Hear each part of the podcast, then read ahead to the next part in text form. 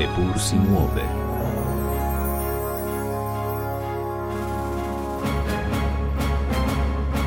In vendar se vrti.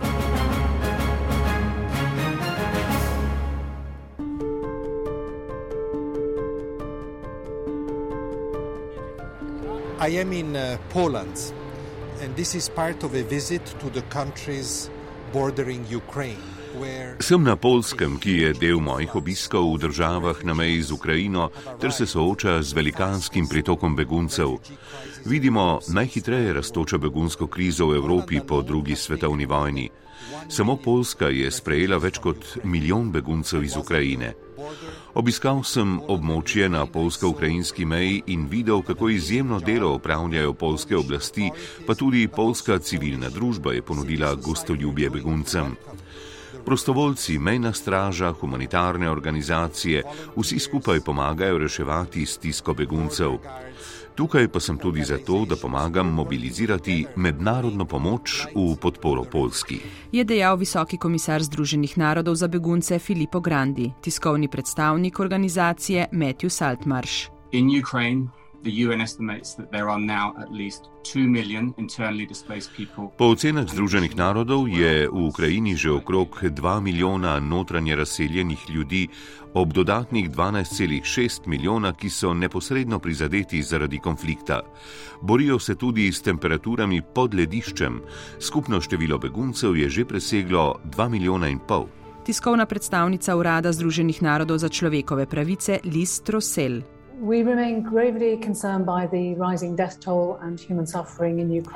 Zelo smo zaskrbljeni zaradi vse večjega števila smrti in trpljenja med ukrajinskim prebivalstvom. Po naših podatkih je bilo od začetka ruske invazije ubitih 549 civilistov, ranjenih pa 957, številke pa so zagotovo precej više. Civilisti so ubiti v neselektivnih napadih, v katerih ruske sile uporabljajo eksploziva z razpršenim delovanjem znotraj naselij ali blizu njih. Kijev, Harkov, Mariupol, Odessa, Lvov je samo nekaj največjih ukrajinskih mest z več milijoni ali več sto tisoč prebivalci, ki so tarče tega neusmiljenega ruskega bombardiranja. V obliganih mestih je življenje postalo pekel, bežijo večinoma ženske, starci in otroci, moški stari od 18 do 60 let morajo ostati doma, številne družine so se ločile. Kraje ob polsko-ukrajinski meji je obiskala tudi naša poročevalka Polona Fijavš. Polsko mesto Pšemišil in bližnja vas Kurčova sta polna ukrajinskih beguncev. Tja prihajajo dan in noč. Na železniški postaji se gnete na tisoče in tisoče ljudi, ki jih oskrbujejo izključno prostovoljci. Ti jih usmerjajo na vlake, avtobuse, jim delijo hrano, se igrajo z otroki. A se je zdaj intenzivnost prihodov še povečala. Obiščem trgovski center v bližini Korčove, ki so ga spremenili v začasno begunsko namestitev, kamor vse čas dovažajo ukrajinske matere z otroki, ki imajo za sabo dolgo pot. Mnogi so v čakalnih vrstah na meji preživeli tudi več kot 12 ur. Šest tisoč ljudi pride sem dnevno, ko izstopijo z avtobusa, jih čakajo prostovoljci s hrano, na stotine njih, ki skušajo ugotoviti, ali imajo prihajajoči ljudje cilj, ali imajo kam, ali pa bodo prespali v hali, kjer se že zdaj gnete 2000 ljudi. Kljub številnim prostovoljcem in njihovi pripravljenosti vlada popoln kaos. Govorim z grškim zdravnikom, dr. Apostolosom Vezisom iz organizacije Intersos, ki begunce na kriznih območjih oskrbuje že 20 let. Videl sem že veliko, a razmere tukaj so šokantne, tudi zato, ker je polovica družine ostala v Ukrajini. Matere želijo rešiti svoje otroke, rešiti naslednjo generacijo in skrbi me, da ti ljudje odhajajo v nekakšno črno luknjo. So preživeli, ampak ne vedo, kam gredo. Sprehodim se po notranjosti trgovskega centra, hodniki so natlačeni s pomožnimi posteljami. Srečam babico z vnučko, na poti sta sami. S sabo sta pripeljali pasjega mladička in hrčka. Kako naj jih pustimo sama v Ukrajini, pove babica. Vnučka se podi za njima. Ti, ki so že tukaj, imajo srečo, kajti za njimi iz Ukrajine prihaja še vsaj trikrat toliko ljudi, je ocena in nihče ne ve, kako bodo oskrbeli njih. Približno 60 odstotkov beguncev je začasno nameščenih na Polskem. Agencija Združenih narodov za begunce navaja, da bo njihovo število do julija meseca doseglo 4 milijone. Dopisnik Boštjan Anžin je obiskal romunsko-ukrajinsko mejo, kjer humanitarne organizacije in lokalni prebivalci beguncem zagotavljajo hrano, vodo, zatočišče, prevoz in denar. Pain, just pain, a lot of pain for my country and my people. Čutim veliko bolečino, samo to, boli me za našo državo, naše ljudi, ni besed, s katerimi bi lahko opisala to bolečino. Marja je ena od begunk iz Ukrajine, ki je uspelo doseči Romunijo, prišla je svojo hčerko v času, ko je romunsko-ukrajinske mejne prehode spet začel prekrivati sneg. Vprašanje, kaj je morala pustiti za sabo, jo zlomi. My husband, my mojega moža, moj dom, mojega psa, mačke, moje življenje. Ukrajinske sosede te dni vsak dan prihaja na deset tisoče ljudi, marsikdo se šele po več dneh čakanja za vstop na Polsko ali Mačarsko odloči za pot proti Romuniji, kjer na ukrajinski strani čakajo manj, a še vedno več ur, tudi pol dneva, ko na železniško postajo, s katere gredo pešče z mejo, pripeljajo vlaki, polni do zadnjega kotička, pripovedujejo o boju za mesta, o grožnjah, strahu. And, uh, Bila je dolga in strašljiva pot, na nebu letala, eksplozije, nismo vedeli, ali gre za sovražnika ali naše enote. Seveda je vse to grozljivo, pravi Nastja, ki je sem prišla s svojim psom. Na romunski strani v mestu Sigetu Marmatejih pričakajo prostovoljci s čajem, hrano, telefonskimi karticami, oblačili. While we were in uh, Lvov, it's uh, all uh, everybody wanted to go to Poland. Ko smo bili v Lvovu, so vsi želeli na Polsko, jaz sem se zato odločil, da se odpravim proti Romuniji. Ljudje so pokazali toliko velikodušnosti, prijaznosti, dali so nam vse, zatočišče, hrano, vse, morda najpomembnejše, dali so nam občutek, da imamo znova družino. Tako zelo sem jim hvaležen in to sem želel pokazati, zato sem se že naslednji dan po prihodu pridružil prostovoljcem. Svoje domove je odprlo na sto tisoče Romunov, polnijo se telovadnice, dvorane, prihaja vse več starejših ljudi, mnogim morajo zadnje metre pred vstopom v Romunijo pomagati reševalci, na mejo je prispela celotna sirotišnica iz okolice Kijeva.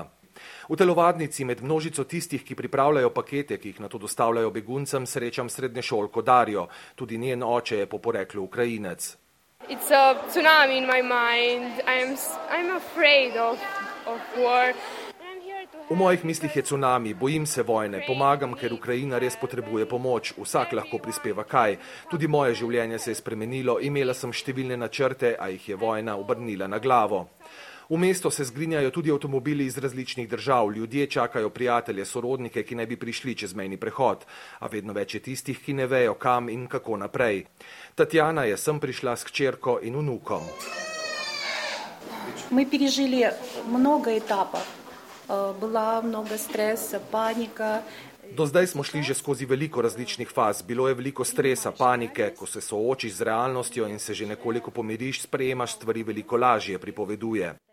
Когда мы переходили границу, мы шагнули, сделали шаг в неизвестность. Ko smo prečkali mejo, smo stopili v neznano, nismo vedeli, v kaj se podajamo, tudi že na meji so bili z nami zelo prijazni in čudovito poskrbeli za nas. Zdaj smo še toliko bolj gotovi, da bo vse v redu. No, Ves čas grozo spremljajo dogajanje doma, ves čas preverjajo, kako je z bližnjimi, ki so ostali, in tudi danes še vedno ne morejo verjeti, kako je to, kar se dogaja, sploh mogoče. Združeni narodi opozarjajo na razsežnost krize. Vsega dveh tednih je iz Ukrajine zbežalo več kot dva milijona ljudi. To je velikanski pritisk na humanitarne delavce in lokalno okolje, kamor se najprej zatečejo. Združeni narodi so sporočili, da potrebujejo 1,1 milijardo dolarjev za obdobje do maja letos. S partnerskimi organizacijami skupaj so doslej prejeli le 7 odstotkov teh sredstev. Evropska unija se je po ruskem napadu na Ukrajino odzvala na način, ki ni ravno značilen za 27-terico, hitro in enotno, pa naj bo to na področju obsežnih gospodarskih in finančnih sankcij proti Rusiji, na področju oskrbe Ukrajine z orožjem ali pa pri humanitarni pomoči. Za lajšanje stiske beguncev bo Unija namenila 500 milijonov evrov, članicam pa naj bi s podaljšanjem črpanja denarja iz prejšnjega evropskega proračuna omogočila še dostop do 420 milijonov evrov. Prvič v svoji zgodovini se je Unija tudi odločila uporabiti direktivo o začasni zaščiti beguncev. Bruselski dopisnik Igor Jurič pojasnjuje, kakšen je evropski odgovor. Zgolj v nekaj dneh po ruskem napadu na Ukrajino je Evropska unija že potegnila prve konkretne poteze. Poleg tako rekoč zgodovinske odločitve, da prvič v svoji zgodovini financira nakup in dobavo orožja tretji državi, ki je upletena v vojno, se je hitro odločila tudi za izdatno finančno injekcijo za blažitev prve stiske množice beguncev v Ukrajini in njenih sosedah. Ursula von der Leyen. Poleg 500 milijonov evrov za nakup orožja in vojaške opreme bomo namenili tudi 500 milijonov evrov za takojšno človekoljubno pomoč beguncem v Ukrajini in sosednjih državah, ki jih sprijemajo, je zagotovila predsednica Evropske komisije. Le nekaj dni kasneje je podpredsednik Evropske komisije Margaritis Hinas k temu dodal nove številke. We are proposing to prolong the implementation period Dodatno predlagamo podaljšanje možnosti koriščenja sredstev iz prejšnjega evropskega proračuna iz skladov namenjenih za notranje zadeve in sicer v višini 420 milijonov evrov. Poleg tega je na voljo 10 milijard evrov iz programa React EU in Evropska komisija meni, da je možno vse stroške, ki bodo nastali z oskrbo beguncev, članicam 100 odstotno povrniti. Evropska komisija je iz obljubljenih 500 milijonov evrov pomoči za begunce že takoj namenila 90 milijonov evrov. Potem, ko je Ukrajina sprožila Evropski mehanizem za civilno zaščito, se je na poziv Kijeva za pomoč takoj odzvalo 28 držav. Kot je opisal pristojni komisar za krizno upravljanje Janez Lenarčič, so v Ukrajino poslali najnujnejšo pomoč. Šotore in spalne vreče, zdravila, hrano, gasilsko opremo, reševalna vozila, generatorje, vodne črpalke in še nekatere druge nujne stvari.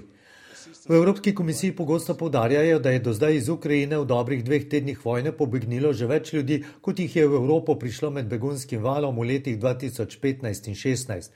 Tudi zato se je Unija odločila, da prvič po njenem sprejetju leta 2001 začne izvajati direktivo o začasni zaščiti beguncev. Cilj je namreč hitro in na nebirokratski način pomagati beguncem ter hkrati preprečiti morebitno sesutje evropskega azilnega sistema evropska komisarka za notranje zadeve Ilva Johansson. Vsi, ki so in še bodo pribežali v Evropsko unijo, bodo takoj dobili zaščito, takoj bo urejen tudi njihov status. Imeli bodo pravico do nastanitve, dela, zdravstvene oskrbe in otroci do izobraževanja.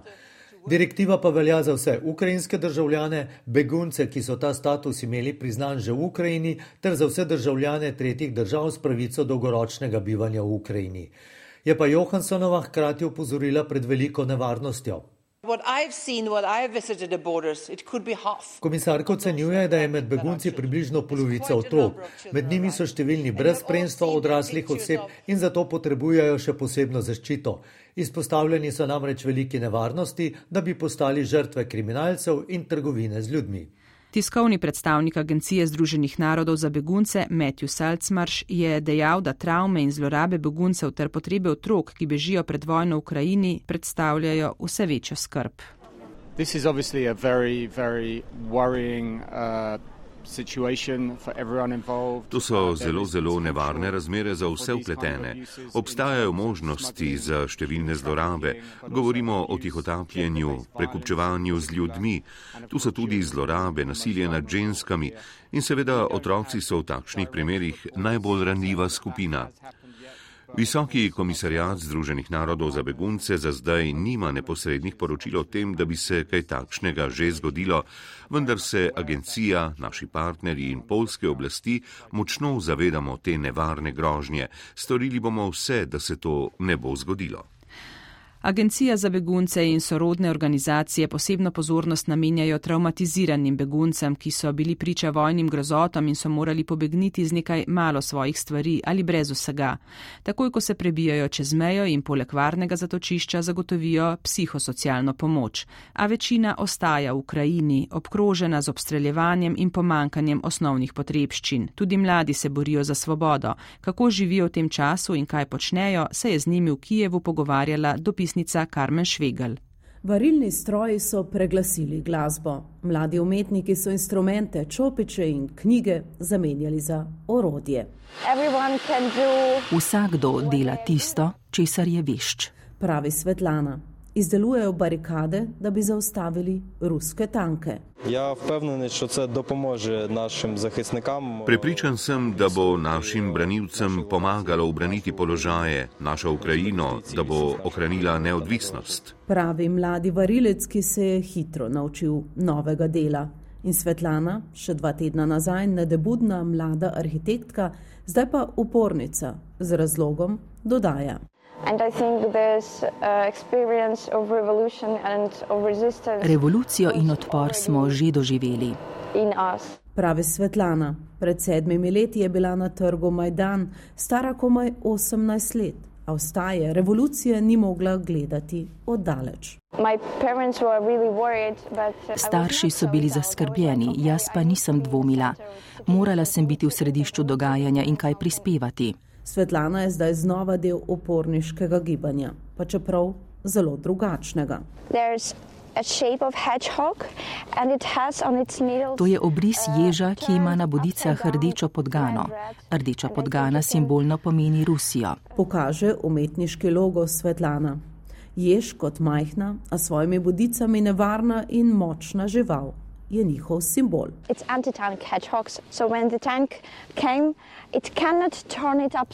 To so protitankovski ježi. Tank ovir ne more prevrniti, zato ga te ustavijo. Morda bo tanke upočasnilo, da bodo ukrajinske sile lahko opravile z njimi. Ko niso varilci na zemljo, so znova umetniki pod njo. 25-letna arhitektka in glasbenica zdaj tu živi, dela in spi. Ker so prostori pod zemljo, jih uporabljamo kot zaklonišče. To je moje ležišče. Za vzglavnik uporabljam svoj plašč in šal. Vsak večer si jo zložim. Pokaže svojo improvizirano postoljo Svetlana. Vsak je s seboj prinesel pet najljubših knjig in nastala je knjižnica. Find, yeah, Če lahko kaj delaš, zelo pomaga, da se počutiš koristnega. Težko je premagovati stres. Svetlana najraj igra Šostakoviča, melanholične simfonije ruskega skladatelja. Verjame, da je upor in boj lepo do miru.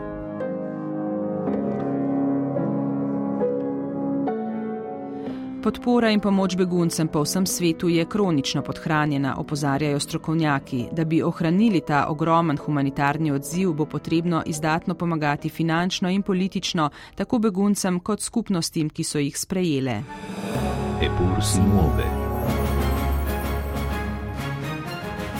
To je bila oddaja zunanje političnega uredništva Epur Simuove in vendar se vrti.